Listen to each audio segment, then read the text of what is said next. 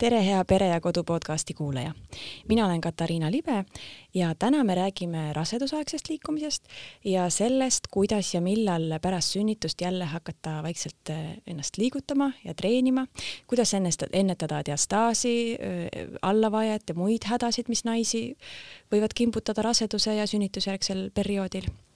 ja selleks on mulle külla tulnud liikumisnõustaja Riina Arund. tere, Riina tere! mis tähendab liikumisnõustaja?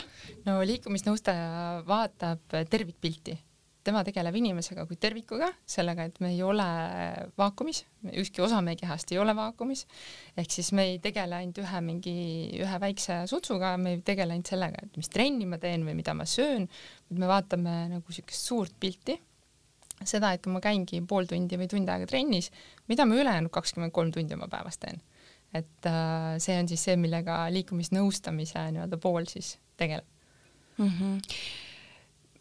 kuidas, milline on sinu igapäevatöö kuidas sa siis inimesi nagu nõustad? no äh, hetkel äh, suures, suures plaanis ma tegelikult äh, viin läbi siis kursusi ja töötubasid ja kursus on Restore Your Core põhinev, liikumisõpetusel siis põhinev, see on see, mida ma olen õppinud ja seal on äh, joogal ja pilatesel põhinevad harjutused, et inimestele tihti tulevad need hästi tuttavad ette.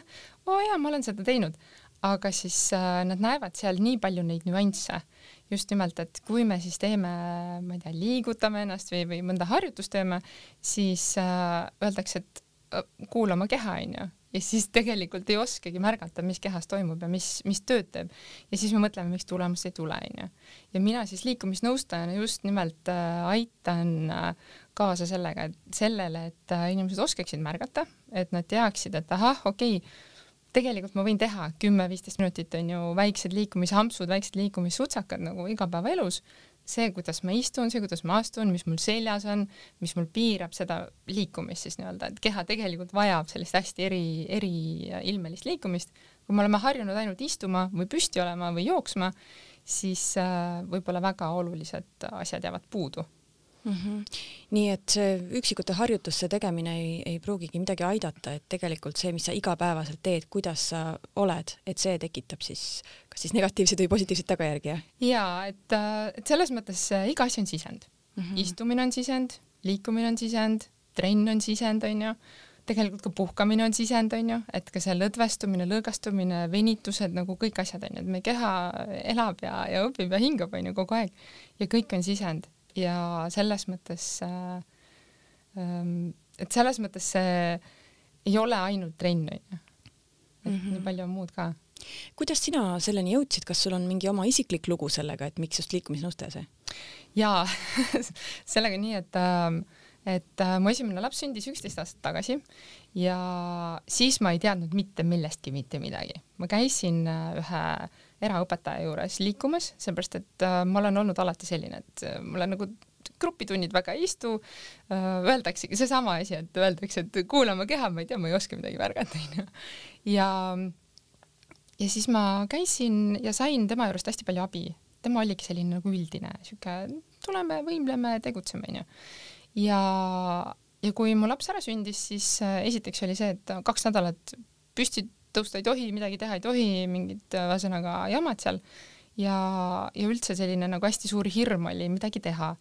aga no okei okay,, võtsin julguse kokku, läksin siis äh, jõusaali mingi hetk ja tegelikult ma väga-väga ootasin, et jääks ootama siis teist beebit.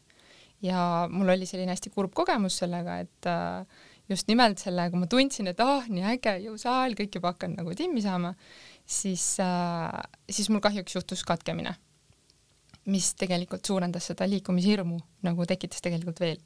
ja siis ikkagi neli aastat hiljem siis jäin ootama oma teist last ja, ja teise lapse ajal ma tundsin, kuidas mu keha kogu aeg ütles, sa pead liikuma, sa pead liikuma nagu, isegi kui sa ei taha jõusaali minna, sa pead liikuma onju, siis ma mäletan, ma käisin nii palju kõndimas ja nii palju nagu kogu aeg oli selline sisemine tahtmine nagu teha. ja ometigi alguses öeldi mulle, et ma ei tea, et äkki noh, on on varem olnud katkemine, et on niisugune oht ja mingid asjad ja mõtlesin ei, no ma vähemalt kõnnin ja hiljem ma sain teada ja aru, et tegelikult see kõndimine juba on vaagnapõhjalihastele lihtsalt nii hea asi, mida teha. nii et kuidagi keha ise nagu, keha ise nagu ütles.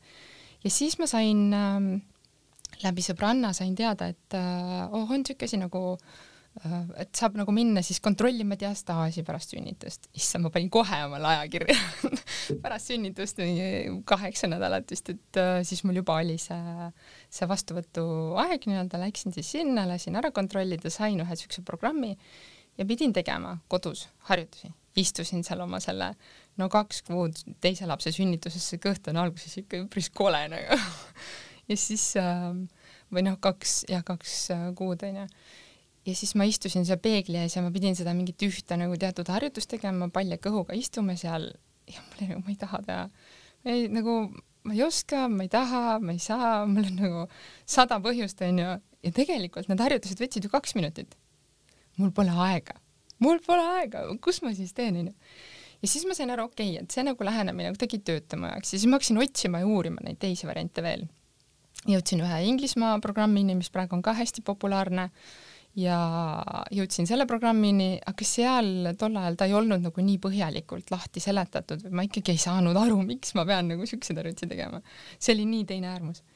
ja, ja sealtkaudu kuidagi ma jõudsin siis äh, nii-öelda restorative exercises äh, teemani, Katie Bowman äh, hästi nagu huvitav, kes just hakkas, noh, kes just nagu propageeris just seda igapäevaelu ja liikumist ja, ja sellist taastavaid harjutusi aga no seal oli jälle see, see pool, et seal noh, neid taastavaid, kui sa tahad nagu ühele asjale teha, teisele asjale, kolmandale, siis sa pead neid jube palju päeva jooksul tegema, no mingi igat asja natuke teed, siis sul terve päeva teed taastavaid harjutusi onju. okei okay,, midagi peab veel olema.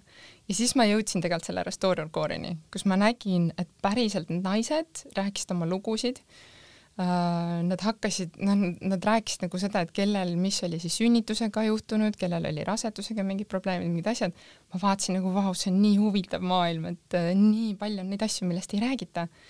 ja, ja läbi selle ma tegelikult jõudsin äh, siis sinna, et ma käisin ise, tegin läbi selle online programmi, tegin läbi, läksin siis Inglismaale workshopile ja seal oli, no minu jaoks oli ahaa, täielik nagu siuke maailmaavastus, et äh, vau wow,, minu kehas on mingi selline kontinent olemas nagu Vaagna põhi. ja, ja samas see kõik on terve keha lähenemine onju, et see ei ole niimoodi, et on ainult nagu mingi üks koht ja pingutame nagu ühte kohta onju. ja niimoodi jõudsin siis äh, selle juhendaja koolituseni ja, ja siis hakkasin siin Eestis tegema, et see on kõik selline siuke kolm-neli aastat äh, ütleme selline nagu tihedam, tihedam töö ja tihedam nagu aeg ja ütleme sihuke mu neljas laps on praegu, saab nüüd just homme saab äh, kaheseks. nii et äh, sisuliselt ma esimesi nagu grupi juhendamise tunde tegingi siis, kui ma teda ootasin ja ma tundsin, vau, et kui ma oleks nagu kõikide raseduste aeg, ajal nagu ennast nii hästi tundnud, ilma nagu päriselt nagu kõiki neid, äh, ma ei tea, neid ühesõnaga ma tundsin, et vau, ma tõesti olen, ma olen tugev, ma tunnen, et ma saan hakkama, mu keha nagu peab vastu ilusti ja ja ka see sünnitusjärgne taastumine tegelikult oli nagu selline teadlikum ja, ja palju-palju nagu parem. nii et äh, ma olen ise väga nagu põnevil, et kuhu veel see, noh, kuhu see kõik nagu veel edasi saab minna, et kui palju naisi tegelikult on võimalik läbi selle siis toetada mm. -hmm. nii et põhiline kelle põhiline kontingent, kellega sa tegeled, siis on rasedad ja, ja siis sünnitanud naised, jah? jah, rasedad ja sünnitanud naised, kuigi noh, diastaas on ka meestel, diastaas mm. on ka lastel mm, -hmm. vaagnapõhja probleeme on lastel meeletult palju kes ei oleks näiteks kuulnud, et äh, vähemasti oma tutvusringkonnas, et on lastel kõhukinnisus onju, kes see kõhukinnisus võib tekitada vaagnapõhjaga seoses probleeme ja samamoodi meestel diastaas on ju suured kõhud et mina mõtlesin, et ma sünnitan ära, siis ma saan oma kõhust lahti, aga kahjuks on, on selles mõttes kogu see, kuhu nagu see maailm, noh, see meie nagu ühiskond on, on nagu minemas. aga noh, ma arvan, me täna siin meeste maailma ei lähe, aga meestel on samamoodi vaagnapõhi mm. -hmm. selles mõttes, et paljud ei mõtle selle peale aga aga, aga sellest Restorer Core'i nagu lähenemisest, et see Laura Nohei on ise, kes siis selle programmi loonud on, ta tegi ka siis meestele lihtsalt abivahendi niisuguse väikse lühiprogrammi jõusaali kaasavõtmiseks, kuidas tähelepanu pöörata oma vaagnapõhjale ja diastaasi puhul onju.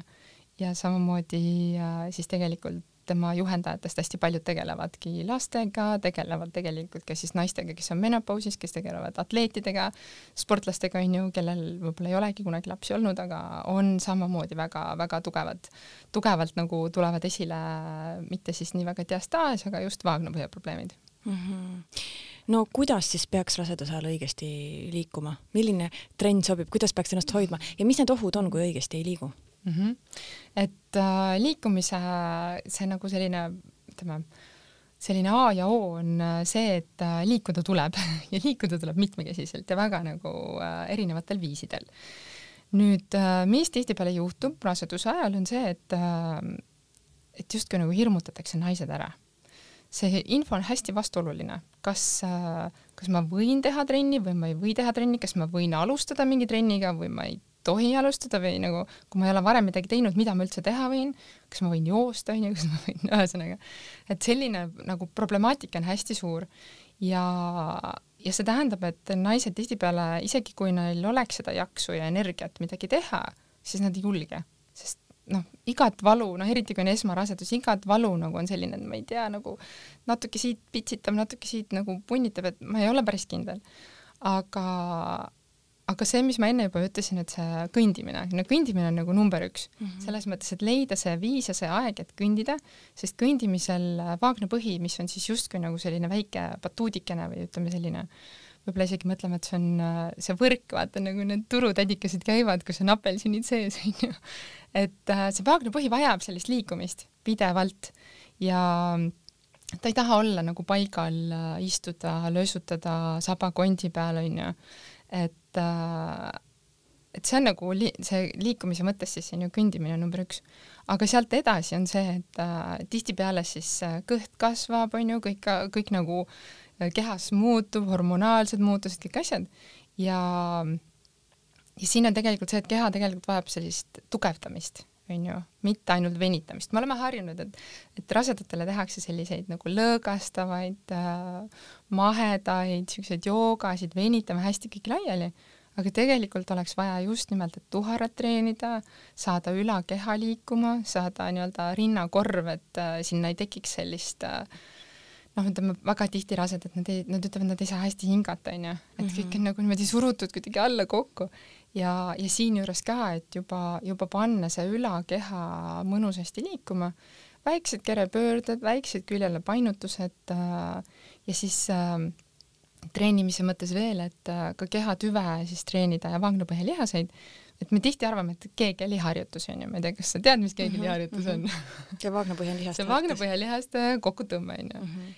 ja, ja seda nagu peetakse justkui, et see on nüüd nagu kõikide, kõikide hädade päästja on ju, et raseduse ajal, ma ei tea, palju, tee, tee mm, -hmm. kas sa ikka teed oma mingi lihaste mingi pingutusi ja nii edasi, siis ähm, siis see on, see võib tuua kaasa lihtsalt nagu liigseid pingeid ja seal nagu jäetakse see lõdvestumise pool just ära, et kui me enne nagu mm -hmm. rääkisime sellest puhkusest ja lõdvestumisest, siis äh, see üleliigne pingutamine, tegelikult me tahaks, et see vaagnapõhi reageeriks.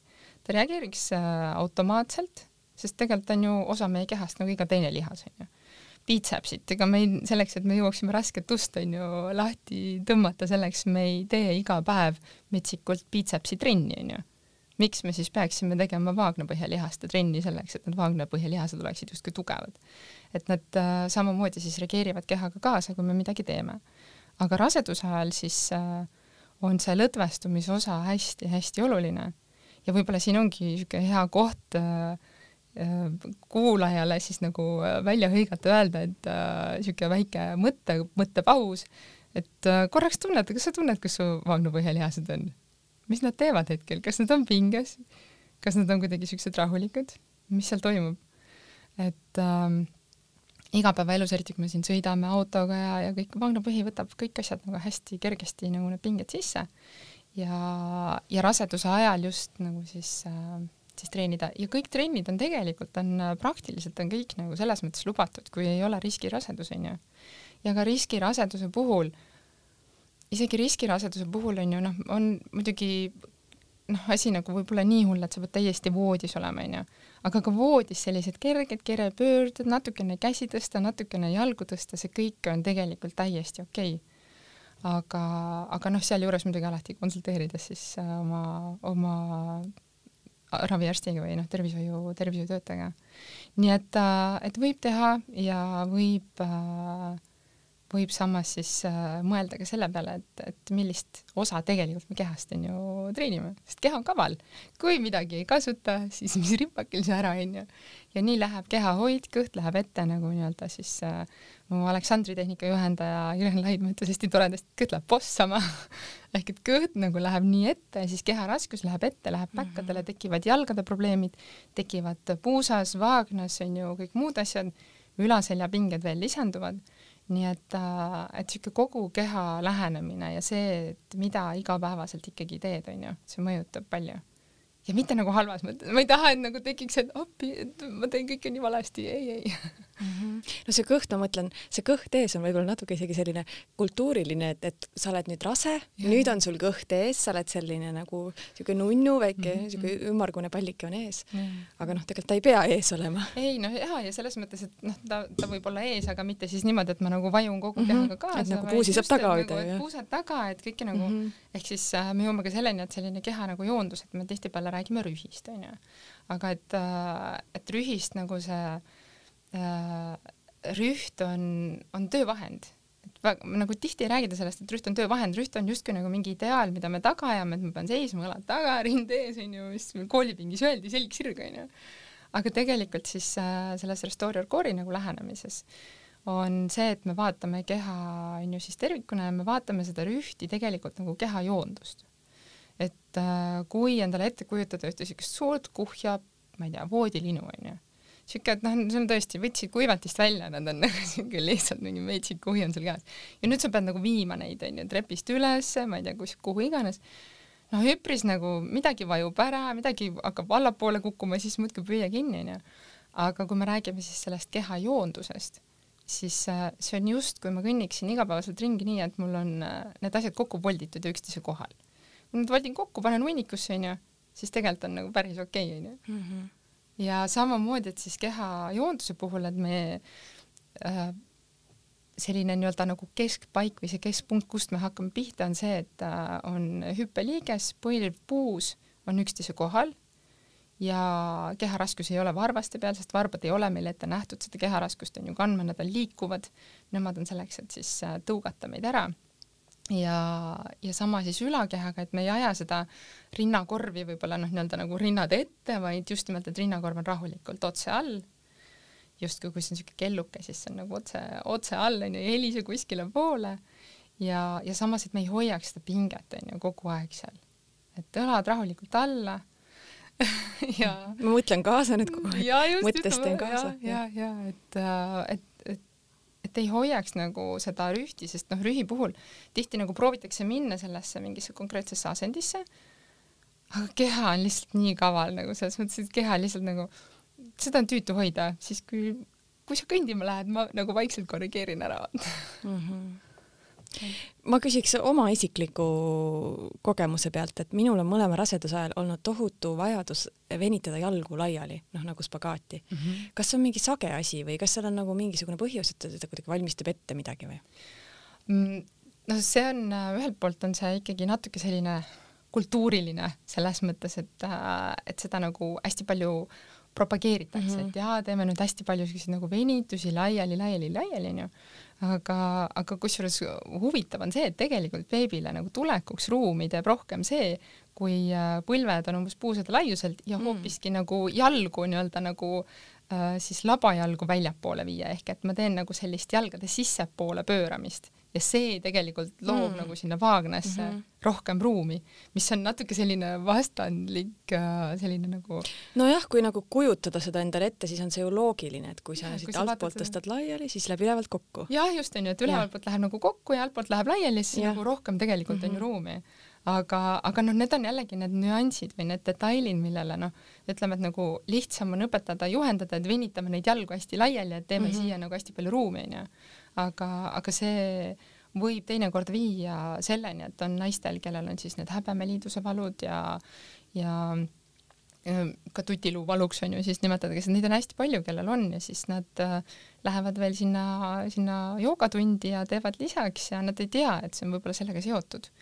et, ähm, et selles mõttes see, see selline nagu keha äh, jällegi on, on tervik et ta on nagu üks nagu asi, et, et me ei saa nagu teha mingit asja ainult, on ju, nii nagu ma enne rääkisin, me ei saa nagu ainult keegeleid teha mm, -hmm. nii on mhm. samamoodi see, et ainult venitamisest ei ole kasu, et sünnituse jaoks on ju, kui me nüüd jõuame tagasi selle küsimuseni, mida siis teha veel raseduse ajal on ju, siis äh, sünnituse jaoks tegelikult vaagna põhi peab olema äh, selline, et ta suudab lõdvestuda nii nagu siis, kui me käime ju number kahte tegemas, tegelikult äh, lihased peavad suutma lõdvestuda, onju, sama on tegelikult siis äh,, kui sünnitus on, siis peab keha, need vaagnapõhjalihased peavad suutma venida, pikeneda, lõdvestuda, selleks, et see laps saaks sealt välja tulla. ja samas äh, see selline nii-öelda nagu tugevad lihased ei too kindlasti kaasa nagu seda, et ma nüüd olen nagu paremas vormis sünnitamiseks, onju. Mhm. et äh, nii, aga kui me läheme nüüd rasedusest siis edasi, jätame sünnituse vahele, et pärast äh, sünnitust, millal oleks mõistlik hakata uuesti liikuma, kuidas mm? -hmm. no äh, seal on üks selline väga hea äh,, väga hea lugu seal taga onju, et noh, vanasti oli ju see, et noh, kartuli, kartuli panemise vahele käid onju mm, -hmm. sünnitasid ära ja siis läksid onju, panid kartulit edasi tänapäeval õnneks nii ei ole enam aga, aga mis siis, mis siis on, et mida mina olen näinud, on ju, mis, mida, mis on nagu ütleme, selline, mida valesti tehakse ma väga ei taha anda hinnanguid, aga mida valesti tehakse. et see on väga nagu populaarne, et kolmandal päeval mina juba võtan kõik nagu vangrid välja ja kõik asjad ja siis lähen ja teen mingi kümme kiltsa ringi, onju.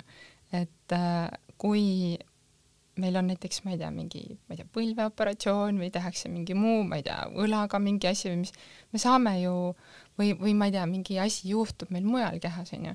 me saame füsioteraapia ja me saame mingid kavad ja me saame mingid asjad ja siis öeldakse, et vot nii palju päevi sa ei tee midagi ja siis, siis hakkad nagu sellist harjutust hästi. Rahu, aeglaselt, rahulikult. just, just, just. aga siis on sünnitus, mis justkui nagu eeldatakse, et sünnitad ära ja mis mõttes onju, aga tegelikult on emaka suurune haav kehas, tegelikult on seal umbes selline prae, keskmise praetaldriku suurune haav on kehas onju ja, ja selle peale nagu tihtipeale ei mõelda, et mõeldakse, ah jah, ma käisin natuke rohkem kõndimas, natuke tuli veritsust tagasi, et äh, ah noh, mul muidu üldiselt tunnen ennast hästi, onju. et äh, see ikkagi nagu näitab, et see taastumise protsess nagu käib ja, ja seal on mingisugused äh, väiksed nagu äh, sellised nagu haavakesed, mis võivad lahti minna või noh, nii-öelda nagu väiksed mikrorebendid onju aga mida teha, on siis et sihuke viis pluss viis pluss viis on minu nagu selline, mida ma soovitan. et äh, viis päeva voodis beebiga mõnuleda, onju, olla seal, see ei tähenda, et mitte midagi ei pea tegema, vaid see tähendab seda, et lihtsalt nagu see on see aeg, kui ei käi, ei trambi ringi, ei, kui on vaja turvahälli tõsta, siis mees tõstab, onju, kõik muud jutud sinna juurde. ja, ja viis päeva voodis, väiksed kerged onju, anda enda, on vaja ju imetada ja kõik, et siis nagu ülakehale anda sellist natuke liikumist, onju. Siuksed asjad, siis äh, viis päeva järgmised on äh, voodi lähedal ehk et äh, sisuliselt ikka seesama jutt on ju, et ei lähe kuskile kodust ära, aga voodi lähedal vaikselt ülesse ja noh, muidugi vetsus pesemas, kõik nagu noh, ikka on ju need, need käivad ikka sinna juurde. ja, ja kolmas viis päeva siis on see, kus olla kodus. ehk et sisuliselt tegelikult võtta see kaksteist päeva ja olla kodus ja, ja tegeleda kõike sellega, mis on seal kodus, voodi lähedal, voodi, voodis onju. ja siis sealt edasi vaikselt väiksed nagu kõnniringid, alustad seal rahulikult, noh muidugi võib varem ka, kui tõesti enesetunne on hea, aga siis selliselt, et mingi kümme-viisteist minutit ja siis on ju äh,, siis jälle väike paus, väikeste liikus, väikeste ampsude kaupa on ju. et noh, tihti tahetakse, et mul on see, ma ei tea, kaks tundi ja beebi muud moodi ei maga. Ma saan ka sellest aru, mul on neli last olnud, kes nagu ei ole kõik siuksed supermagajad olnud aga samas äh, võib-olla ka nagu küsida endale see kümme või viisteist minutit ilma lapseta kõndimiseks. et äh, anda just nimelt kehale nagu uuesti seda, et vot nüüd mu keha on nagu jälle muutunud, sest keha kogu aeg muutub. ta muutub, on ju, raseduse ajal, ta muutub sünnituse ajal ja ta muutub pärast sünnitust kogu aeg järjepidevalt. isegi kõigil neil, kes ei sünni, ei ole rasedad olnud, ei sünnita, on ju, neil ka keha muutub. Tegelikult keha nagu ajas muutub, see sõltuvalt sellele, mis sisendit me anname. ja ja pärast rasedust siis või pärast sünnitust ongi tegelikult hea siis äh, jällegi hakata vanglapõhjalihastele tähelepanu pöörama lihtsalt, et nagu üles leida nad, et avastada, tuvastada nii-öelda, okei okay,, mis mul töötab, mis mul toimib, kuidas mu kehatüvi töötab, on ju, kuidas mu kehatüve lihased on ja siis äh, sealt jällegi nagu samm-sammult edasi minna. sest äh, keha, ma olen juba mitu korda öelnud, et veeline keha on kaval ja, ja ta oskab kasutada midagi muud sellel ajal, kui äh, kui ei ole see kehatüvi ja vaagnapõhi saadaval, onju. ta oskab tegelikult midagi muud selle asemel kasutada. ja, ja see lihtsalt tähendab jällegi, et, et kehal jääb mingi osa sisendist saamata sellele kehatüvele ja, ja kõigele. nii et ähm, ja, ja mida siis ettevalmistuseks veel teha raseduse ajal, on see, et äh, juba kokku ette leppida onju. kes aitab. just, et mm -hmm. kes aitab, onju, kes aitab söögiga, kes aitab äh, lapsega kuskil käia, kes, kes käib ja teeb need kahetunnised jalutustiirud, onju. et äh,, et aidata ja tõesti, vähem on selles kohas rohkem, selles mõttes, et see toob lihtsalt pikaajalisema siis taastumise või sellise nagu kuidas ma ütlen, jätkusuutlikuma taastumise või selle, et, äh, et kui me võtame alguses rahulikult, siis keha saab kohaneda selle uue olukorraga, kus enam ei ole beebit, onju mhm aga millal võiks alustada siis siukse noh, päris trenniga, kui keegi on kõva jõusaalis käia või on tal mõni spordiala, mida ta harrastab mm? -hmm.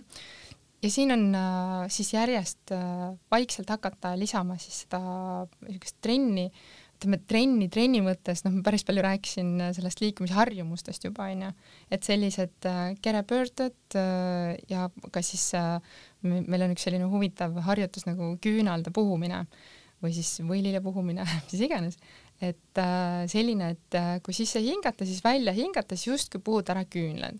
ja jällegi noh, võib-olla siuke väike hea pisikene liikumisapsukene kuulajale onju, et hingad rahulikult sisse ja siis puhud pikalt välja, noh. puhud välja ja vaata, mis toimub onju sinu kehas. mis su nagu, mis su kehatüves hakkab toimuma, et ei ole vaja seda naba onju sisse tõmmata, vaid just nimelt siis äh, läbi selle hingamise, et keha hakkaks automaatselt reageerima. ja kui nüüd see tunnetus on tekkinud, ahah, okei okay kehatüvi reageerib, siis hakata vaikselt koormust suurendama. noh, see on alati väga individuaalne, mis see vaikselt, mis see natukese haaval on, onju.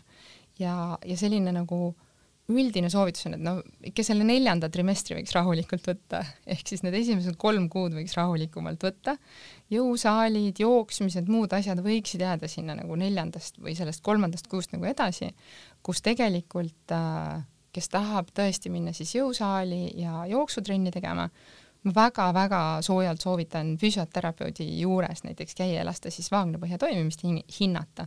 sest noh, diastaasi me oskame, väga paljud oskavad Youtube'i abil ise ka onju üle vaadata.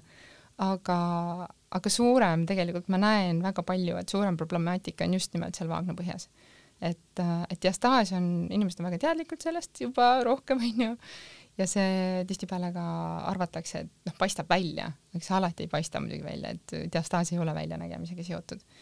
ja, ja vaagnapõhi siis on, on see, mis tegelikult saab väga suure koormuse, kui minna tegema neid äh, erinevaid harjutusi, erinevaid nii-öelda siis trenne. nii et äh, või siis alustadagi sellisest programmist, nagu näiteks on see Restorer Core ja neid on teisigi, mis on sellised terve keha lähenemise äh, nagu variandid. et neid on siin Eestis teisi tegijaid veel mm. -hmm. mis see oht siis täpselt on, kui näiteks minna kuu aega pärast sünnitust jooksma?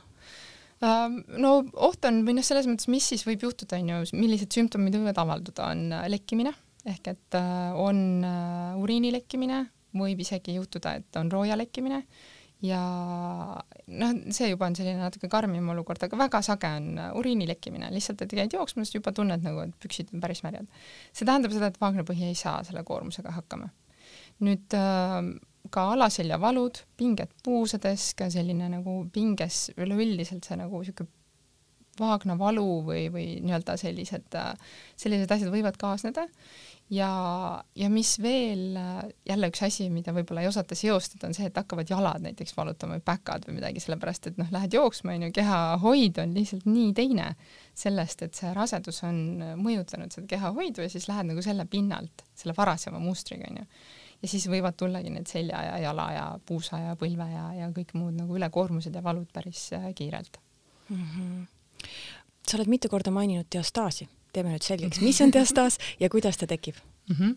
diastaas on äh, siis kõhu sirglihase lahknemine ja kõhusirglihased on siis need six-pack'i lihased, et kõik äh, on endale vähemasti korra elus ette kujutanud, et neil võiksid need olla. Nad on teiste inimeste pealt näinud ja muidugi see on täiesti omaette teema, et kuidas siis omale lamedat kõhtu saada, selle jaoks peab täitsa eraldi saate tegema. aga diastaas on siis jah, et kui need sirglihaste vahel on vahe, mis on äh, siis rohkem kui kaks pool sentimeetrit umbes ja just hiljuti nägin äh, ühte niisugust uuringu nii-öelda pealkirja, et äh, isegi vist juba nagu liigub asi sinna suunda, et võib-olla selliseks nagu tavapäraseks loetakse isegi suuremat vahet. et äh, me oleme olnud hästi pikalt vahes kinni. nüüd seal seal vahel on siis selline, kui te kujutate endale seda nätsu, mis, millega seina peale panna mingeid pilte või mingeid asju, siis seal vahel on kõhuvalge joon, mis on sidekude ja ta näeb, ta on nii-öelda natuke sarnane sellele nätsule.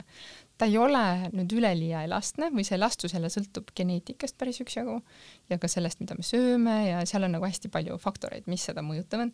ja raseduse ajal see kõhu eessein siis, kus on, ju need sirglihased, six-packi lihased, siis on äh, seal all on või seal vahel on siis äh, kõhuvalge joon, seal on veel põikilihased, välised ja sisemised põikilihased ja all äh, nii-öelda kõhu alaosas on siis ristilihas, see on justkui korsett mm. -hmm. ja, ja mis siis kaob ära, on see tunnetus just nimelt, kuidas seda korsetti või kuidas seda nagu keha saada, need kõik lihased omavahel toimima. mida siis äh, ja ühesõnaga, et see on see vahe ja vahe Äh, hästi palju räägiti vahe kokkusaamisest, et oi, nüüd on vaja nagu vahe kokku saada, vahe kokku saada, onju, et see vahe oleks siis väike. Tegelikult seal ongi hästi oluline rääkida sellest, milline on siis selle kõhu eesseina erinevate osade nagu, kuidas ma ütlen siis, kvaliteet ja toimimine, onju. et kui see vahe on kinni, ütleme, see vahe on nagu selline üpris pisikene või noh, ütleme, peetakse, et kinni on alla kahe poole, onju, ütleme, et see on sentimeeter sõrme või sihuke sõrmelaiune ja ta on kinni selles mõttes, siis äh, ta võib olla väga sügav, mis tähendab seda, et tegelikult see, see kõhu valge joon, see sidekude seal on äh, saanud väga tugevalt kahjustada ja kui siis siit selle pealt nagu minna trenni tegema, siis võib juhtuda lihtsalt, et äh, nagu inimesed kardavad, et see läheb äkki lahti. see on nagu üks oht, mida nagu kardetakse äh,. ja ta võibki minna nagu uuesti rohkem lahti, sellepärast et tegelikult seal all ei ole saanud taastuda see sidekude onju ja see sidekude vajab samamoodi siis sisendit, ta ei ole nii nagu lihas, et ma treenin ja siis ta läheb nagu trimmi tagasi, onju. aga mingi piirini saab seda ikkagi mõjutada. ja, ja samas äh, hästi huvitav selline, ütleme, kuidas ma ütlen, paradoksaalne on see, et äh, välised põikilihased lükkavad neid äh, siis six-packi lihaseid kokkupoole ehk nad lükkavad seda vahet väiksemaks, onju ja sisemised põikilihased, kui me nagu siis, kui me nagu tegeleme nende süvalihastega, siis nii-öelda, siis need sisemised põikilihased tõmbavad seda vahet veidi laiemaks. nii et äh, see on asi, millele väga paljud ei mõelda, väga palju ei mõelda ja see on ka viis, kuidas saada, kuidas ma ütlen äh,, hästi ruttu seda diastaasi siis justkui nagu kinni on see, et tegeletakse nende põikilihastega mm -hmm. ja saadakse siis justkui see vahe nagu kinni, aga tegelikult seal all noh, kehal ei ole sellist head viisi, kuidas reageerida koormusele. ja siis lähen joogasse või, või ma ei tea, tegema midagi ja tegelikult äh, enam ei suuda kõhtu sees hoida või enam ei suuda nagu mingit teatud asja teha, siis äh,, siis on ju, et noh, appi-appi, et mul on nagu läinud see diastaas uuesti suuremaks, onju et tegelikult lihtsalt see oli selline näiline ja, ja ütleme, selline petlik nagu äh, hetk, kus ta oli kinni mm. -hmm. kuidas seda diastaasi siis sulgeda saab või kaotada äh,? vajab koormust, kehatüvi vajab onju koormust, nii nagu äh,, nii nagu siis igal pool mujal kehas, kui meil midagi juhtub, siis me peame andma sinna onju tegelema selle kohaga ja on erinevaid viise diastaasi siis äh, sulgeda näiteks on olemas äh, on ju kirurgiliselt saab, ehk siis nagu tõmmatakse, seotakse nii-öelda kinni ähm, seal on jällegi selline väike kõrval nagu oht, et kui vaagnapõhjaga ei tegeleta ja kui selle nagu kehatüve kasutamise nii-öelda strateegiat või sellist nagu, et kuidas ma igapäevaselt tegutsen ja toimin, kui seda nii väga tähelepanu ei pöörata, siis võib juhtuda, et tekivad need vaagnapõhja erinevad problemaatikad seal. sest et kuskile peab see surve minema et kui me mõtleme, et see on niisugune õhupall on mul seal on ju keset kõhtu ja ma nii-öelda eestpoolt äh, teen asja korda, aga siis noh, mis toimub üleval, mis toimub allpool, et, et kõik asjad nagu peavad toimima siis koostöös. siis äh, on olemas selline variant nagu manuaalne diastaasi sulgemine ja tegelikult see on rohkem nagu selline ütleme, teraapia ja see aitab siis äh, taastada sellist tunnetust oma kehas, et ahah, okei okay,, kui see diastaas on ju, kui mul need sirglihased on omavahel koos, siis mis tunne, kuidas ma tunnen ennast oma kehas nüüd, on ju. ja et anda siis seesama see õige tunne kätte, kui ma lähen trenni tegema, siis mida ma pean nagu märkama, onju. et äh, kuidas ma saan ligi nendele sisemistele lihastele. ja, ja see, mida siis äh, me Restorer Core'iga teeme, on tegelikult me läheneme siis terviklikult selles osas, et äh, me ei tee ühtegi harjutust puhtalt ainult, onju, et nüüd teeme ainult kehatüvele või teeme ainult süvalihastele, vaid äh, me paneme selle keha reageerima sisendile mis iganes sisend see on, mul on vaja last tõsta, mul on vaja mustapesukorvi tõsta, mul on vaja midagi muud teha, mul on vaja äh, autos äh, selja tagant lastele midagi võtta või anda, onju. et äh, me paneme selle keha reageerima ja me taastame selle toimimise ja vot siit saab edasi minna siis nende kõhulihaste harjutuste juurde, mingite muude asjade juurde, sest et tegelikult need lihased vajavad sellist äh, järjepidevat sisendit mingisuguse perioodi kindlasti, selleks et saada see, see õige tunnetus kätte, onju.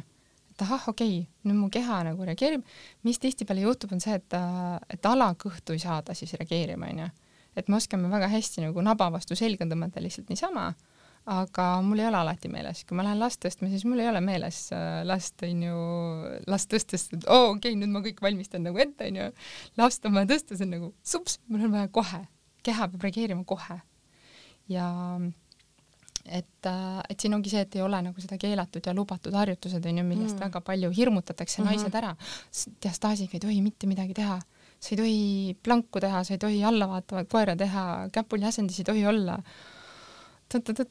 kõik need nagu, kõik need hirmutamised ja, ja see on nagu see pool, kus mina tahan alati tuua siis selle poole, et äh, tegelikult meie keha on nagu sünnitanud lapsed, onju, meie keha on kasvatanud lapsed, meie keha on hakkama saanud kohanemisega, selliste asjadega. Ja meie keha saab kohaneda järgmise sisendiga, onju, järgmiste asjadega, meie keha saab muutuda mingiks järgmiseks asem-, järgmiseks nii-öelda nagu järgmisele tasemele, et kui me räägime, et me tahame minna tagasi sellesse raseduseelsesse vormi või raseduseelsesse aega, sellist keha, nagu meil kunagi oli muidugi ma ei tea, kas keegi on üldse, mina vaatasin ükskord oma mingeid teismeea pilte ja ma vaatasin, ma küll siukses kehas ei tahaks mitte, et see midagi mul oleks olnud, aga mul tuli meelde, et ma ei tundnud ennast oma kehas nii hästi, kui ma näiteks täna mhm. tunnen, onju. ja, ja, ja sealjuures ongi siis see, et, et äh, ühesõnaga ma kaotasin mõtte ära. ei no ma täiendan su mõtet, et see on jah, eks äh, ideaalselt võikski olla nii, et mida, mida vanemaks me kasvame, seda rohkem me oma kehas ennast mugavalt tunneme. aga diastaasist oli juttu, ma tahaks nüüd küsida seda, et kuidas ennetada diastaasi ähm,? heade, kindlasti heade harjumustega, heade selliste keha kasutamise harjumustega anda kehale sellist äh, mõnusat mitmekülgset koormust ähm, mitte siis äh, liiga palju lösutada, onju. Mm.. rasedana siis jah? Äh, ei, üleüldiselt enne. Mm -hmm. tegelikult, kusjuures see on nagu väga huvitav, et nii palju inim-, nii paljude inimestega, kellega ma olen rääkinud, siis äh, äh, siis see on probleem, et äh, ei mõelda nagu ammu enne rasedusi juba onju, noorena tegelikult peaks juba äh, juba tegelema noorte tüdrukutega selles osas, et, et mis see nagu, mitte siis niivõrra nagu rühist rääkima, nagu me enne ütlesime, et rüht on nagu mingi siuke sõdur onju mm, -hmm. vaid äh, pigem just see, et, et seda kehatunnetust ja seda keha nagu, keha kasutamist juba nagu tegeleda sellega varem, sellepärast et me saaks nii palju asju ära ennetada sellega, kui, kui enne rasedust juba oleks selline keha harjunud liikuma. aga ennetamisega on see, et kolmkümmend kolmekümne viiendaks rasedusnädalaks on sada protsenti nais-, sajal protsendil naistest äh, kõhu-sirglihased lahknenud. selles mõttes, et kõhu eessein peab välja venima, need lihased peavad välja venima ja seal mitte midagi teha ei ole, selles mõttes, et äh, noh, kui kõht juba läheb suuremaks natukene, nii et ta välja paistab, no siis järjest hakkavad need lihased venima välja. aga mida siis teha selleks, et ennetada või et saada nagu pärast sünnitust paremas, olla nagu paremas stardiplatvormil, paremal, paremal stardi, stardiplatvormil on seesama, et äh, leida oma need süvalihased ülesse juba raseduse ajal. ehk et äh, selline küünaldaja nii-öelda või selline võilile puhumise asi on ju see, et mu keha juba automaatselt õpiks ja oskaks reageerida sellele, kui mingi koormus tuleb ja teiselt poolt siis tegelikult ikkagi äh, anda nagu mitte karta liikuda või mitte karta nagu anda seda sellist ke-, kehal on vaja pööramist, noh, nagu ma enne ütlesin, et põikilihased, need on kasutusel meie keha pööramise jaoks ja põikilihased on need, mis mõjutavad seda diastaasi nagu taastumist ja kõike ka. ja kui siis ikkagi kuskil niisugune kaheksas nädal, kaksteist nädal äh, pärast sünnitust on selline tunne, et ma ei tea, seal nagu vaagna põhjas ei ole kõik nagu päris korras ja, ja ei ole ka see niisugune väga tugev tunne seal kõhu, kõhu eesseinas ja kõhu, kõhupiirkonnas nii-öelda, siis noh, ma ütlen, et täiesti vabalt äh, võtta üks käik ette füsioterapeudi juurde ja, ja käia ja lihtsalt nagu teha selline, selline ülevaade. ma ütlen, on, on riike, kus tegelikult selline sünnitusjärgne füsioteraapia, füsioterapeudi vastuvõtt on täiesti norm. Prantsusmaal vist näiteks või kui mul praegu õigesti meelde tuleb. et äh, ja, ja ennetamise puhul siis samamoodi, et on palju nagu noh, pealegi seal on geneetikat seotud ja selles osas, et kas nüüd see sidekude nagu on niisugune venivam, kas see sidekude on niisugune, taastub hästi, onju, noh, seal neid äh,, neid nagu asju on, mida me ei saa mõjutada, aga me saame mõjutada liikumist ja seda, mis sisendit me anname mm. -hmm no aga vist on diastaasist põhjalikult nüüd räägitud, ma küsiks nüüd elundite allavaia kohta, kuidas mm -hmm. seda vältida ja mis see on, kuidas see tekib? Elundite allavaie on äh, jällegi, ta on täpselt samamoodi siis äh, kõhuõõnesisese rõhu probleem, ehk et äh, ma ei olegi seda vist veel maininud täna. Et kõhuõõnesisesest rõhust tegelikult me räägime siis nii diastaasi kui vaagnapõhja probleemide puhul. Ja ja kui nüüd endale jällegi, ma jälle palun natuke ette kujutada endale õhupalli, et siis kui kui see õhupalli nii-öelda eessein, ütleme õhupalli ees on siis selline nii-öelda kuidas ma ütlen, ütleme, et seal õhupallis on vesi sees, onju. ja, ja kui ma nüüd pigistan seda õhupalli onju kuskile suunas, kas ma pigistan seda ülevalt, ma pigistan seda alt või ma pigistan seda siis nagu eest ja tagant, siis tegelikult äh, sinna allapoole, noh, või hambapasta tuubi pigistad, onju, siis tegelikult näed ju, mis toimub, hambapasta tuleb välja, onju. ja sarnane olukord juhtub tegelikult siis äh, organite allavaiega, ehk et tegelikult see kõhuõõne sisese haldamise probleem on läinud natuke sassi. ülakeha on hästi pinges äh, ja, ja rinnakorv on ju ei saa hästi liikuda, kus on diafragma, see osa ei saa hästi liikuda samas äh, ka kõhu nii-öelda, kõhu eessein on äh, välja veninud, seal ei ole ka sellist nagu toetust ja, ja samas kogu aeg jääb sihuke kõhu eesseina siis selline nagu noh, lisa punnitamine, väljapoole punnitamine onju. ja, ja siis pannakse endale kitsad püksid jalga, tõmmatakse ennast bandaažiga kinni ja, ja kuhu see surve kõik minema peab, kui me siis hingame, kui me tegutseme, kui me midagi teeme, see läheb alla vaagnapõhja juurde. ja kui siis need vaagnapõhja erinevad koed, mis seal on, need lihased onju, nad samamoodi ühel hetkel, nad lihtsalt ei jaksa seda kõike pinget vastu pidada ja siis tekib see, kus kas siis äh, vajub näiteks äh, pärasool, vajub äh, seal põie, tuppe, ühesõnaga need kõik erinevad vaagnapõhja organid siis vajuvad. Nad tegelikult otseselt välja ei vaju, et mm -hmm. seda ei tasu nagu karta, et midagi kuskil nagu täitsa välja vajub aga see tegelikult äh, sisuliselt on see, et äh, kui naine siis näiteks ennast peegliga vaatab, ta võib näha, kui on, on ju emakale vaja, siis ta võib näha seal äh, ta võib lihtsalt näha sellist punnitamist ja, ja niisugust hästi raskustunnet tihtipeale tuntakse. pärast sünnitust võib-olla isegi üks-kaks päeva on okei okay,, aga kui selline raskustunne on kõndides, kui see raskustunne on eriti joostes on ju, kui see raskustunne on kodus mingeid erinevaid tegevusi tehes, siis tegelikult see annab aimu et äh, tuleb tegeleda, tuleb lasta üle vaadata ja samas äh, ma väga soovitan, et kui kui minna siis kuskile üle vaatama, siis minna kuskile teise kohta veel ehk et nagu mm. käia mitme inimese juures ja neid on Eestis nüüd on rohkem juba neid, kes nagu on spetsialiseerunud naise tervisele, keda ma ise ka julgen soovitada, sellepärast et ma tean, et nad samamoodi vaatavad terviklikult seda keha. et, äh, et jällegi äh, mina ei lähe nagu kunagi oma teemadega niivõrra, ütleme sellesse detaili, et kellel mis täpselt kus kohas on, vaid äh, need põhimõtted on ikka sarnased. et need põhimõtted, kuidas me saame siis inimesed paremini hingama, paremini liikuma, paremini oma igapäevategevusi tegema ja kuidas me saame tegelikult ka neid pingeid sealt vaagnapõhjast vähemaks. et äh, seal tuleb see lõdvestumise ja nagu puhkamise teema ka mängu. -hmm. nii et bandaaž võib tegelikult teha karuteene? Võib, võib selles mõttes, et äh, bandaaži teinekord nagu peetakse selliseks, et äh, no ma arvan, et kui ma esimest last sünnitasin, siis ma mäletan, meil beebigrupis käis küll läbi see, et äh, kes millised tugevad korsetid omale siis pärast sünnitust juba oli nagu eelmiste lastega pannud ja kes nüüd plaanivad siis panna. et see võib teha tõesti karuteene, see ei õpeta kehale mitte midagi see äh, tõmbab lihtsalt nagu selle, kuidas ma ütlen, selle õhupalli, siis me tõmbame siin paelaga keskelt kinni, onju, ja siis mm -hmm. me mhm. kujutame ette, mis ülemise alumise osaga juhtub, onju.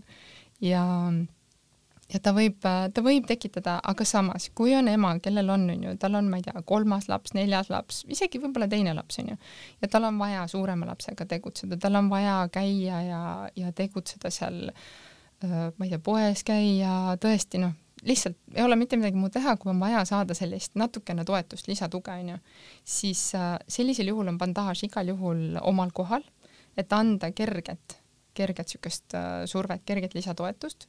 Ja ideaalne, kui need oleksid hoopiski püksid, sellised, mis siis toetavad natuke vaagnapõhja ka, ehk et ta jaotab selle surve kõik nagu ühtlasemalt ära võib-olla noh, mõnedel on olnud niisugused head äh, isegi tavalised retuusid, mis on sellised, ütleme, kerge nagu hästi tõesti kerge kompressiooniga.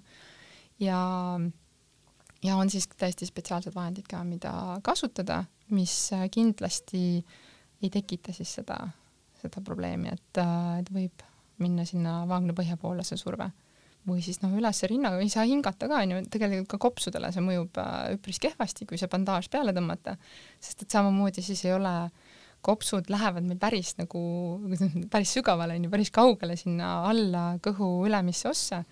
Ja, ja noh, kui mõelda, kuhu maale need roid lähevad, umbes sinnamaale lähevad ju ka kopsud. Ja kui me tõmbame siis kinni selle liikuvuse sealt, siis jälle samamoodi me võtame nagu kogu see kõhuõõne sissene rõhk saab, saab jällegi niisuguse suure põntsu, et ja samamoodi igapäevased riietused, et ka see, kui me tegelikult oleme noh, ma mäletan, ma olin, käisin tööl ja, ja mul iga õhtu kõht valutas reaalselt mul kõht valutas, sest ma istusin päev otsa oma teksadega, mis soonisid ja surusid ju täpselt keset kõhtu ja imestasin, et miks ma nagu, miks on nagu nii halb olla õhtuti või kui on suhpüksid või mingid asjad. et, et see riietuse ja selline pool on nagu ka hästi oluline mm. -hmm.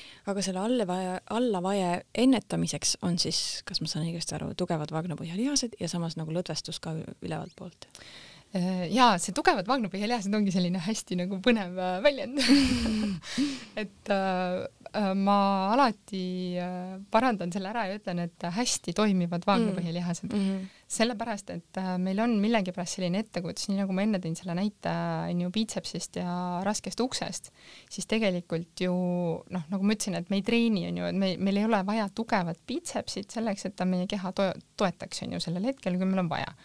Ja tegelikult on sama vaagnapõhjaga, ehk meil on vaja hästi toimivat vaagnapõhja ja hästi toimivat vaagnapõhja me saame selliselt, et me tegeleme kõige sellega, mis seal vaagna, vaagnapõhja ümber on, onju. nii nagu siis, kui me mõtleme selle käe peale, siis samamoodi, et meil on vaja, et õlad oleksid liikuvad, et meie randmed, noh, ühesõnaga, et meil nagu ülejäänud keha nagu ka tegelikult on ju reageeriks ja, ja, ja toimetaks. ja sama on siis vaagnapõhja lihastega ehk et äh, tervet keha, terve keha nii-öelda treening on ju anda, anda vaagnapõhja lihastele siis seda, siis ma ütlen nagu täielikku või sellist äh, terviklikku liikumisulatust onju. Et kui me oleme kogu aeg harjunud niimoodi, et meil on saba jalge vahel onju, me kõik kujutame endale ette, mis see saba jalge vahel on onju, kus siis äh, häbemeluu onju on niimoodi ülespoole, istud seal sabakondi peal ja siis mõtled, et ai, miks mul nagu sabakond valutab ja miks mul mingi see onju, miks mul selg on kuidagi imelik ja ja nii edasi, siis äh, näiteks sellises, kui on sabakond äh,, need äh, vangnapõhjalihased, on seal äh, istmiku kühmukesed on meil, siuksed kõvad nagu kühmud onju, kes äh, praegu istub, saab onju järele proovida või, või käega katsuda onju.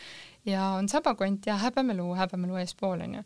ja vangnapõhjalihased kinnituvad nende vahele ehk et ongi sisuliselt nagu põhi, meie keha nagu põhi onju. ja ja kui ja need lihased on ju siis ulatuvad sealt sabakondist siia ette häbemeluu juurde, kui meil on sabajalge vahel, siis need lihased on lühenenud asendis. Nüüd teeme siia veel keegeli on ju peale ehk tõmbame, pingutame need lihased veel rohkem kokku, aga tegelikult meie keha vajaks võib-olla ka nagu lihaste pikenemist hoopis mingis teises asendis onju. et, et sellised huvitavad, huvitavad nagu avastused on, kui, kui ühel hetkel tõesti siis kas minna füsioterapeudiga koos tegema või julgemad võivad tegelikult täiesti siis ise katsetada, kuidas nende vaagnapõhi toimib, selle jaoks ei ole vaja rohkem kui ühte näppu. ja, ja, ja, ja selles mõttes, et miks mitte nagu tunda ja, ja avastada ja ise vaadata, mis seal kehas toimub, mis, kuidas nagu töötab ja toimib. Ja, ja mitte nagu sedapidi, et ma nüüd ainult pingutan, pingutan, pingutan, vaid just nimelt nagu mõelda näiteks, et äh, mu vaagnapõhi on justkui sulašokolaad, onju, ja see šokolaad niimoodi nagu valgub tooli peal, no mis iganes, et, et selline täisulatus siis tõesti seda liikumist. Mm. -hmm nii et jätan meelde, mitte olulised, oluline ei ole, et tugevad vaagnapõhjalihased, vaid et hästi toimivad. et hästi toimivad mm, -hmm. et mhm. nad saavad koormusega hakkama mm -hmm. ja et nad reageerivad sellel hetkel, kui neid on vaja. ja oskavad lõdvestuda. oskavad lõdvestuda ka mm, -hmm. just. me oleme nüüd palju liikumisest rääkinud, aga räägime vastupidi puhkusest ka, miks puhkus on oluline? no puhkus on, puhkus on äh, noh, nelja lapse emana ma tean, et päevad on lihtsalt nagu sellised, et mis mõttes puhkuseks ei ole nagu aega. Et äh, kehas tegelikult tekib see stress. Äh,. keha võtab kõik selle stressi, mis me igapäevaselt kogeme, päris palju jääb meie kehasse sisse. Ja vaagne põhi reageerib sellele stressile väga tugevalt, noh, ma ütlen, et kes on sellised teadlikumad, tundlikumad inimesed, nad märkavad näiteks just seesama, et ma lähen, sõidan autoga ja siis ma tunnen, et oh, okei okay,, jälle nagu, jälle ma hoian kõike nagu pinges, jälle on kõik pinges, onju, ja siis ma lähen tõstan kodus seda last ja siis ma tunnen, et oh, lekkimine või mingi muu asi, sest et sellel hetkel, kui lihased äh, peaksid tegelikult onju pingutama, sellel hetkel nad siis äh, enam ei jõua kinni hoida, sest on kogu aeg nii pinges. ja selle jaoks on see, see lõdvestumise, teadlikult lõdvestumise ja puhkuse võtmine tegelikult hästi oluline äh, ja on erinevaid viise siis, kuidas noh, paljud inimesed ei suudagi tegelikult niimoodi käsu peale lõdvestuda, onju, või käsu peale neid vaagnapõhjalihasid siis lõdvestada, siin aitab see, see šokolaadi näide näiteks või, või mingid erinevad harjutused. aga, aga meil ei, noh, et ei ole seda kehal vaja seda stressi nagu kogu aeg sees hoida. väga huvitav raamat just hiljuti lugesin, et kui keha ütleb ei, varjatud stressi hind, äh, Gabor Mate raamat, et äh, väga huvitav lugemine kõigile neile, kes, keda huvitab see, et mis kehas toimub kõige selle nii-öelda siis varjatud või, või siis mitte nii varjatud stressi puhul, onju. ja seda stressireaktsiooni siis jah, et kas siis on sellised meditatsioonid, tegelikult piisab, ma ise eelmine aasta tegin läbi siuksed kümme päeva üheminutilised meditatsioonid ja mul oli nagu, ma nägin, kui palju tegelikult on ju, oli võimalik mul võtta seda ühte minutit päeva jooksul, on ju. ma tegelikult reaalselt võtsingi kolm-neli korda tegin, on ju, ühe minuti. ja sama on, kui me mõtleme, et meil ei ole võimalik teadlikult seda lõdvestumise või puhkamise hetke võtta, siis äh, siin on sama asi, et täiesti vabalt võib ju nagu lasta neil lastel enda peal ronida ja, ja midagi muud teha ja lihtsalt ollagi selili mulle väga meeldis, ergonoomika õppejõud ütles ülikooli ajal, et kõik täiskasvanud inimesed peaksid päeva jooksul leidma pool tundi, et lihtsalt selili olla mm. -hmm. aga noh, kõva põranda peal, noh nüüd ma olen natuke targemaks saanud, et mm -hmm. mitte võib-olla diivani peal nagu lõsutama okay., et siis nagu. nii et see ei ole puhkus, kui ma diivanil lõsutan noh, see, noh, see on nagu, see on ka mõnes mõttes puhkus, aga võib-olla nagu keha jaoks olekski see hea, et kui me nagu jääme sinna diivanile mingisse teatud asendisse, jääme seal saba nii-öelda sabakondi mm -hmm. peale lõsutama või me jääme sinna onju jääme sinna, noh, alati oleme ainult ühe külje peal, onju, et siis jällegi see on jälle muster et noh, võimalik, kui võimalik, siis võiks ikkagi anda nagu erinevatel viisidel neid äh,, neid variante siis, kuidas keha saab puhata. ja muidugi on noh, vaimupuhkus on täpselt samamoodi oluline, on ju, et, et minna ja jalutada. ja, ja teisipidi jällegi meil, me ei ole jõudnud rääkida ja, ja me täna väga detailselt ei saagi minna, on niisugune asi nagu nimmelihas, mis meil tegelikult üle, ühendab siis üla- ja alakeha, see on ainus lihas, mis siis läheb nagu üle ülakehast, läheb alakehasse. ja ta on seal roiete all, lülisambale ta kinnitub ja siis ta läheb siit eest, me oleme harjunud äh, kuulama selle, või noh, seda nimetatakse tihtipeale lihtsalt puusapainutajaks, aga ta on selline nagu ja siis ta kinnitub jalgadele. ja, ja kui me istume, siis ta on lühenenud asendis. kõik see pinge, kõik see nagu infomüra, kõik, mis me vastu võtame, on ju, kõik see tekitab meis seda sellist pinget ja me oleme istum-, istumas asendis ja üks parimaid asju, mida selle nimmelihase jaoks teha saab, on seesama, et tõuse püsti ja kõnni mm. Et mm -hmm. äh, mitte, mitte nagu kohe minna jooksma, onju, sest et siis lähed sellest lühenenud asendist tõntsa-tõntsa, aga just see, et äh, et siukest sirutada, et kui me räägime ka sellisest, mida siis, mis veel võib-olla keha jaoks puhkus võib olla sirutamine onju, sellepärast et see on midagi teistsugust. nii et noh, puhkus äh, selline stressi, stressi maandamiseks ja selleks, et me tegelikult siis saaksime väga-väga paljud äh, jätavad näiteks sellest Restorer Core'ist, seal on üks, äh, ongi nimmelihase nagu lõdvestus on selline harjutus või selline nii-öelda kümme-viisteist minutit soovitatakse, et tee kõikidel nendel päevadel, kui sa nii-öelda siis oma seda harjutuste kava läbi teed, tee seda. aga see on üks kõige levinum harjutus, mida skip itakse või mm. mida nagu vahele jäetakse, mida ei mhm. tehta. ja, ja samas need, kes on seda teinud ütlevad, et jaa, ma ei tunne selle tegemisel nagu mitte midagi. Aga ma näen, et nendel perioodidel, kui ma ei ole seda teinud, ma ei liigu oma eesmärkide suunas nii kiiresti edasi mm. oma nagu asjadega ja ma näen, et kui ma seda teen, siis ma tunnetan neid muutusi oma kehas palju kiiremini, kui ma nagu annan kehale selle võimaluse puhata. me kõik tahame tublid õpilased olla ja teha nagu mingit programmi läbi, aga samas see, see puhkus on nagu ka hästi oluline osa mm. -hmm kui mitu minutit päevas peaks siis niiviisi olema, et laskma ennast lõdvaks?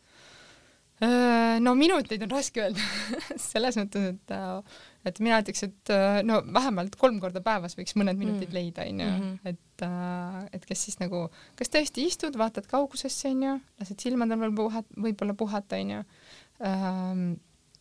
erinevatele osadele, onju, võib-olla kui on selline värske beebiga ema, onju, siis oledki pikali selle beebi kõrval ja võimalik, et võib-olla nagu mõned korrad siis imetamisel ei võta telefoni juurde, et äh, ma ise lugesin nii palju raamatuid läbi selle äh, imetamise ajal, et see oli lihtsalt müstika, aga just seesama, et, et lülitada sellest mürast välja ja samas anda tõesti nagu teadlikult korraks nagu vaadata oma keha sisse, et ahah, okei okay,, mis mul nagu täna siin toimub. ja, ja noh, miks mitte õhtul on ju siis võib-olla kas enne magamaminekut tõesti teadlikult nagu jälgida mõned hetked, hingata rahulikult, teha sellist võib-olla natuke sellist sügavamat, pehmemat hingamist ja siis, ja siis tuleb võib-olla ka selline nagu rahulikum uni onju mm. -hmm no me oleme nüüd palju rääkinud äh, liikumisest, sellest, millal hakata liikuma, aga sellel, see, vot sa ütlesid, kõik tahame tublid olla, seal on see vastaspool ka, et on see, tekib niisugune kerge kehakultus ja üritatakse ma ei tea, kolm nädalat pärast lapse sündi jälle oma algsesse vormi saada ja mis, mis ohud selle juures on? No seal on, me tegelikult rääkisime natuke sellest, sellest liiga vara trenniga alustamisest juba, juba mõni hetk tagasi ka, aga, aga siinjuures on see, seesama teema, et esiteks need muutused ongi väga keeru-, ütleme, et seal on nagu see eesmärgi püstitus on juba iseenesest nagu vale selles mõttes, et et me ei saa tagasi sinna mm, -hmm. kus me olime, kuidas see oli, et me ei saa samasse jõkke kaks korda astuda, onju. et see jõgi on muutunud, meie oleme muutunud, meie keha on muutunud, meie keha nagu, kehas on mingid teatud asjad muutunud. see on üks pool ja teine pool on see, et, et kõik, kes on, kõik, kes on sünnitanud, teavad nagu, kuidas keha tegelikult mingites hetkedes on ju, saab täiesti müstiliste asjadega hakkama, onju. ja täpselt sama on, et kui me tegelikult pärast sünnitust hakkame push ima ennast no ma ütlen, ma käisin äh, keskkooli, eh, ülikooli ajal käisin jooksmas, mõtlesin, no ma ei tea, ma ei oska, ma ei jõua, ma ei saa, ma jõuan mingi, ma ei tea, viite meetritki bussi peale joosta, onju. ma arvan, niisugune nädala-kahega tuli nagu hästi kiirelt see, et äh, keha juba kohanes ruttu-ruttu ära, onju, juba sai hakkama. aga mis seal taustal oli see, et äh, mu keha ei taastunud ära. tegelikult keha ei taastunud ära, ta sai kogu aeg lihtsalt nii nagu suure tambi peale, et ta ei taastunud ära. ja ma arvan, et need värskelt sünnitanud äh, naised ja noh, me nimetame värskelt sünnitanud äh, või varajase, varajane sünnitusjärgne aeg on poolteist aastat mm., mitte, mitte kaksteist nädalat mm. -hmm. mõni saab juba uue lapse vahepeal. ja, ja noh, mõni saabki uue lapse ja see ja selles mõttes, et see on ka täiesti on ju, see on jälle järgmine sisend või järgmine nagu koormus kehale. aga, aga jällegi see, see, et keha, keha kohaneb koormusega hästi kiiresti, aga me ei näe, mis seal taustal on sest me ei taju seda, et mida see endaga kaasa toob. Ja siin ta võib, on ju siis sedasama kaasa tuua, et noh, kui on märgata, et mingid lekkimised näiteks tulevad tagasi, kui on märgata, et, et on valulik vahekord näiteks, et on hästi pinges, on kõik, on ju seal üleüldiselt on vaagnapõhi, kõik on nagu valulik ja pinges, kõhukinnisus näiteks on pinges vaagnapõhjalihaste üks selline ka võimalik kõrvalnäht, sellepärast et lihased ei suuda lõdvestuda ja, ja siis noh, ühesõnaga, et seal võivad nagu need asjad juhtuda. ja, ja jällegi see, ka see diastaasi või nagu see pool, et, et kui me ei tegele kehaga tervikuna, siis, siis me ei märka seda, mis meil, mis meil nagu toimub mujal, sest keha saab hakkama. keha, noh, keha saab ju hakkama selle beebi kasvatamisega kõhus ka, onju, ta saab hakkama ja ta saab hakkama sünnitusega, ta saab hakkama kõigega, onju. samas äh, üha rohkem on neid probleeme, üha rohkem on neid naisi, kes tegelikult tulevad ja ütlevad, et vot, ma ei tea. Noh, tunnevad esiteks suurt süütunnet, et nad oma keegeliharjutusi ei tee, siis nad kardavad, et keegeliharjutuste pärast nad, neil ongi kõik need hädad, siis nad hakkavad neid tegema ja siis need probleemid veel süvenevad, mis on ka nagu kurb, onju, et äh, ja noh, selles mõttes ma ei tahagi nagu võib-olla seda keegeliharjutust nii, võib-olla jäi korraks mulje, et ma teen hästi maha, see on nagu retseptiravim mulle mm -hmm. väga meeldib see mõte, et keegiliharjutus on retseptiravim. seda peaks äh, välja kirjutama füsioterapeut või vastava eriala siis äh, spetsialist, ütlema, et vot nii sellise perioodi, sellise aja teed, siis vaatame, mis muutunud on. no nii nagu sa mingit muud ravimit võtad, onju. ja siis äh,, ja siis vaatame edasi, onju. nii et äh, et ei tekiks neid probleeme, onju, et noh, lähen jooksma, tekib lekkimine, hakkan keegeliharjutusi tegema, vangnapõhjalihaste pingutusi ja lekin veel rohkem, onju. et äh, selles mõttes äh, siuksed erinevad asjad võivad juhtuda tõesti, kui liiga vara minna mm. -hmm. ja võib-olla, kui see mm, eesmärgi püstitus on natukene siis teistsugune, et kui on eesmärk saada vormi tagasi, et, et meeldiks see, mis peeglist vastu vaatab, et võib-olla see ei ole siis nii terve või? Et pigem see... nagu mõelda sellele, et kuidas, kuidas mu keha saaks nagu terveks tagasi. just onju, et kuidas mu keha saaks hästi toimima mm, -hmm. sest kui me keha hästi toimib, siis tihtipeale me juba tunneme ennast paremini. ja sealt me saame edasi minna nii-öelda selle järgmise sammuni, võib-olla lihtsalt nagu, kui me jälle väga huvitav raamat lugeda, psühhoküberneetika äh, Maxwell Maltz vist oli äkki see, kes siis äh, kirjeldas just nimelt neid, ta on ilukirurg onju ja, ja kes on teinud siis erinevaid äh, iluoperatsioone ja inimesed tegelikult pärast tema näeb ikka seda pilti onju, ta näeb sedasama pilti, mis tal enne oli, seda operatsiooni, ehk et tal tegelikult nagu enda mm -hmm. see taju ei ole muutunud mm. -hmm. ja, ja mulle endale on jäänud mulje, et, äh, et siin võib olla natuke seda ka, et me püüame, püüame, püüame saada sellesse mingisugusesse vormi aga tegelikult äh, see taju on võib-olla natuke selles mõttes, noh, me ei jõua kunagi selleni ja siis me piitsutame, piitsutame, piitsutame, onju. ja siis keha ühel hetkel on nagu mm,, ma ei tee sinuga koostööd rohkem. et äh, ja siis tekib võib-olla ka see hirm, onju, et ma ei tahagi rohkem midagi teha, sellepärast et, äh, et see kõik on nagu tekitanud mingeid ebamugavusi, mingeid vaevusi, ma ei saa kodus võib-olla mingite asjadega enam nii hästi hakkama. ja, ja siis tekibki see nagu vastupidine efekt, onju, et äh, ja, ja see surve on tugev, see surve on ikka, no need beebigrupid, kus noh, ma olen neljas beebigrupis mm. olnud onju mm. selles sünnitusjärgses äh, ka nagu pärast sünnitust ja, ja ikka väga ruttu, väga vara hakati, no mis trenni te teete, no kui palju, noh, kui, kus, kus te nüüd käisite, mis te nagu tegite ja kui palju ja mis ja mm, -hmm. ja nii edasi. ja see, ja see on hirmutav, see minu jaoks, kes ma olen lugenud ja näinud just nimelt nagu nende naiste lugusid, kellel poolteist aastat hiljem, kaks aastat hiljem, viis aastat hiljem on mingid probleemid, onju. ja, ja nad ütlevad, et ma ei tea, et, et näed, et, et tegelikult me ei teagi, onju. kas see oleks tal olnud ka siis, kui ta ei oleks hakanud nagu kiirelt mingisugust tulemust tagama mm. -hmm. noh, see on jälle kultuuriline, et meil on nagu, kiidetakse seda, kes teeb palju, kes jõuab palju, mitte seda, kes puhkab palju no just, just mm, -hmm. just no ma küsin lõpetuseks, et ähm, selline, ma tahaks ikka kohe nagu lihtsaid kergeid vastuseid, et kas sulle tundub, et on midagi, mida naised jätavad äh, väga palju tähelepanuta raseduse või sünnitusjärgse aja juures, et kas on sul mõni selline sõnum naistele? Um, liikumine. Selles mõttes, et tegelikult uh, jäetakse tähelepanuta see, et uh, need asjad, me saame lasta asjadel juhtuda enda jaoks või siis me saame ise tegelikult väga palju anda sisendit oma kehale me saame anda sisendit äh, sellega, mis meil seljas on, kui mul on ikkagi äh, äh, väga tihkelt väga ümber riided, siis see piirab minu liikumist. kui mul on kontsakingad jalas, mu säärelihased on pidevalt lühenenud asendis, mul on nagu selles mõttes mu keha on mingis teatud asendis kogu aeg, onju, ja kui ma siis lähen siit midagi muud tegema, noh, ma ei oska seostada seda, onju. ehk et see selline igapäevane, see, mida me teeme ja olla lihtsalt võib-olla natuke tähelepanelikum või selline nagu märgata seda, mida ma saan enda keha heaks ära teha, mida mu keha ütleb. ehk et tegelikult me jätame tähelepanuta selle, et me, me ei taha kuulata väga, et kui keha ütleb, et mulle see ei sobi või, või see on ebamugav, siis tahaks kiiret lahendust. aga, aga tähelepanuta jääb ka see, et äh, keha muutub keha reageerib sisendile, keha reageerib trennile, ta reageerib, onju, toidule, me teame ju, keha reageerib, onju. Ja, aga see kõik võtab aega. et ega tegelikult ju, kui ma iga päev söön paki kommi ära, ega see ei ole homme näha, onju. kui ma iga päev teen äh, kümme kõhulihaste või ma ei tea, iga päev teen mingit kõhulihaste harjutusi, see ka ei ole homme näha.